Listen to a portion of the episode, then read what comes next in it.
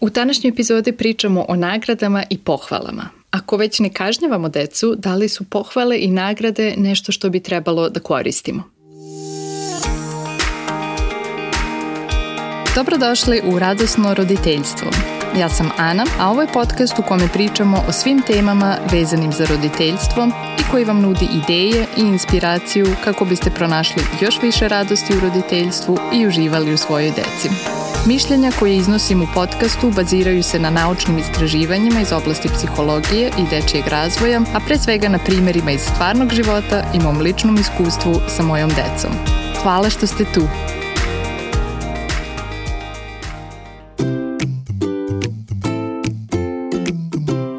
Verovatno ste već čuli o negativnim uticajima kazne i možda se pitate da li onda da koristimo nagrade i pohvale kako bismo podstakli decu da se ponašaju onako kako očekujemo. Kao i uvek postoje izuzeci, postoje situacije kada su nagrade prikladne i mi smo ih koristili u pojedinim kontekstima, ali generalno gledano nagrade iz nekoliko razloga mogu da budu problematične. Recimo da imate nekakav plan i dete dobije jednu nalepnicu svaki put kada izvede psa u šetnju ili kada se na vreme spremi za spavanje spavanje ili kada prestane da gleda televiziju bez problema ili kada pročita jednu knjigu ili nekome nešto pomogne. I kada skupi određeni broj nalepnica, dete će dobiti nagradu. Ono što se u ovom slučaju dešava je da dete postaje motivisano nagradom i izvodi određene radnje samo da bi došlo do nagrade. Dete uči da mu je potrebna spoljašnja motivacija da nešto uradi, a ne zato što mu to pričinjava zadovoljstvo, zato što je interesantno i uzbudljivo, zato što u tome uživa, zato što se pri tome dobro osjeća. Takođe, studije pokazuju da kada prestanemo da nagrađujemo neko ponašanje, to ponašanje prestaje. Ako je dete nešto radilo samo da bi dobilo nagradu, a ne zato što je to interesantno ili ljubazno ili nekome od pomoći, ono će prestati to da radi kada više ne bude dobijalo nagradu ili kada izgubi interes za nagradu. Može da kaže danas neću nalepnicu i neću da izvedem psa. Evo jednog citata od Alfija Kona, psihologa i autora. Istraživanja i logika ukazuju na to da kazna i nagrada nisu suprotnosti, već dve strane iste medalje. Obe strane predstavljaju načine pokušaja manipulacije nečim ponašanjem. U jednom slučaju postavljajući pitanje šta žele da uradim i šta će se dogoditi sa mnom ako to ne uradim, a u drugom slučaju navodeći dete da se pita šta žele da uradim i šta ja dobijam ako to uradim. Nijedna strategija ne pomaže deci da se uhvate u koštac sa pitanjem kakva osoba želim da budem. Dakle, nagrade sprečavaju da dete postane neko ko se brine o životinjama, ko je ljubazan, ko voli da čita, ko voli da pomaže. Ono postaje neko ko će dobiti nagradu i samo mu je to u interesu. Kod nagrade, kao i kod kazne, fokus je na detetovom ponašanju i kako da ga promenimo, a ne na onome što je mnogo važnije, na razlozima iza nekog ponašanja, na detetovim potrebama, na unutrašnju motivaciji i na vrednostima koje želimo da razvijemo kod deteta.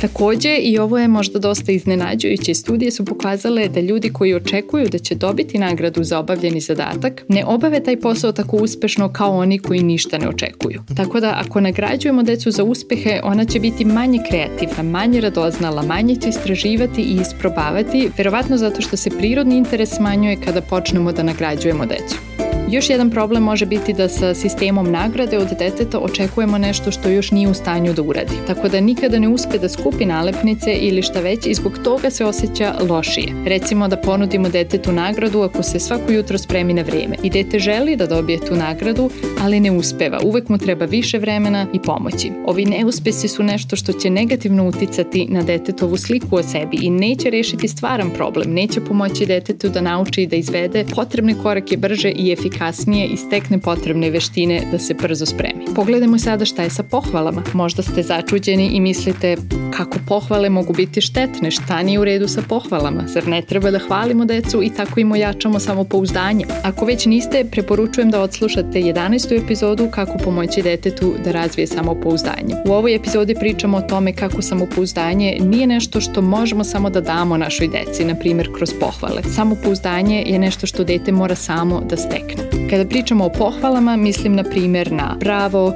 super, sjajno, ti si jako pametna, ti si dobra devojčica, divno crtaš, ponosan sam na tebe, ti si najbolji i slično. Ovakve pohvale su naša procena da je dete nešto dobro uradilo i kada ih previše koristimo, dete uči da bude zavisno od mišljenja drugih ljudi i stalno traži tuđe odobravanje i pohvalu, umesto da je vođeno unutrašnjom motivacijom. Fokus je na tome šta drugi misle, potrebno im je tuđe mišljenje i odobravanje da bi se osjećali dobro, umesto da se zapitaju šta ja mislim, kako se ja pri nečemu osjećam, šta je meni važno, šta ja želim da postignem.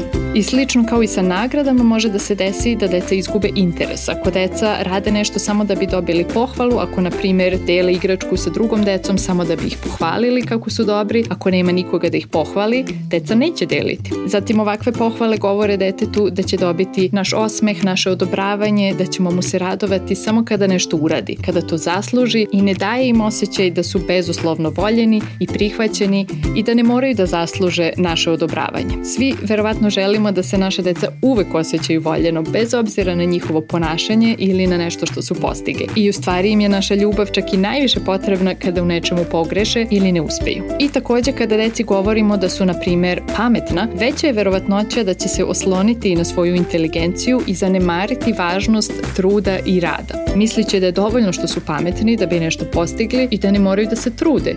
I isto tako će se brinuti da zadrže tu spoljašnju sliku pametnog deteta, tako da ako procene da je nešto preteško, neće biti spremni da to isprobaju, da probaju da nauče nove stvari, izbjegavajući izazove kako ne bi pogrešili, doživeli neuspeh, nekoga razočarali i narušili sliku o sebi kao o nekome ko je pametan. Kako onda možemo drugačije uputiti pohvalu? Naravno, ovo ne znači da nikada ne smemo da kažemo bravo ili super. Naravno da će uvek biti situacija kada se spontano oduševimo nečim što je dete uradilo i na ovaj način pokažemo naš entuzijazam i to je sasvim u redu. Ali možda možemo ponekad da obratimo pažnju na to kako hvalimo dete i da isprobamo nešto novo. Na primer, opisnu pohvalu. Opisna pohvala je kada detetu opišemo šta smo tačno primetili i kako je to što je dete uradilo uticalo na druge ljude. Na primer, Marija je bila srećna što si sa njom delila svoje igračke. Postavio si sto čim sam te jednom zamolila, to mi je baš pomoglo. Večera ste se brzo spremili za spavanje i sada ćemo imati vremena da čitamo tri knjige. Ili ako nam, na primer, dete pokaže svoj crtež, možemo opisati šta vidimo i postaviti neko pitanje. Hm, vidim puno plave boje, to me podsjeća na more. O čemu si ti razmišljao dok si crtao? Ako nas dete pita da li nam se dopada, možemo reći da nam se dopada i pitati njega šta ono misli, kako se njemu dopada. Zatim možemo pohvaliti proces, a ne krajnji rezultat i time pokazati deci da nam je stalo do truda i rada koji u nešto ulažu. Na primjer, kada dete dobije dobru ocenu, možemo reći cijele prošle nedelje si vredno učio i sada se to vidi kroz ocenu. Ili ako dete sastave i tešku slagalicu, možemo reći dugo si radila na tome i nisi odustala. Ili ako nauči nešto novo da odsvira, vežbala si dok nisi naučila i sad možeš da odsviraš celu pesmu. Ili prvi put si uspela da nacrtaš srce. Na ovaj način učimo decu da je proces važniji od rezultata. I takođe pokažemo im da je to njihov uspeh, a ne naš. Umesto ponosna sam na tebe, možemo isprobati da kažemo sigurno si ponosan na sebe. Pohvalu takođe možemo koristiti da reflektujemo detetova osjećanja, da primetimo kako se dete osjeća i da mu kažemo izgledaš srećno, izgledaš uzbuđeno ili bio si zabrinut da nećeš uspeti, ali uspeo si ili vidim da baš uživaš u crtanju. I na kraju, umesto pohvale, možemo se samo iskreno zahvaliti detetu ako nam u nečemu pomogne ili nam nešto pokloni. Isto kao što bi i odrasloj osobi pokazali da to cenimo, možemo i detetu reći hvala što si mi pomogla da sredimo dnevnu sobu, sad nam je svima ugodnije. Ili hvala što si mi pomogao u kupovini, baš smo bili dobar tim. Da li ste nekada koristili nagrade i kakva ste iskustva imali? Da li ste možda već isprobali opisnu pohvalu? Javite nam u komentarima uz ovu epizodu na web stranici radosnoroditeljstvo.com.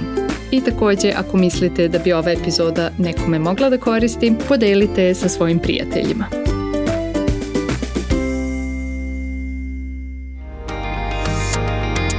Hvala što ste slušali Radosno roditeljstvo.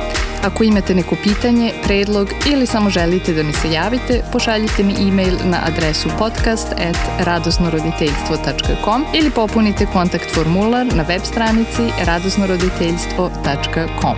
Čujemo se za dve nedelje.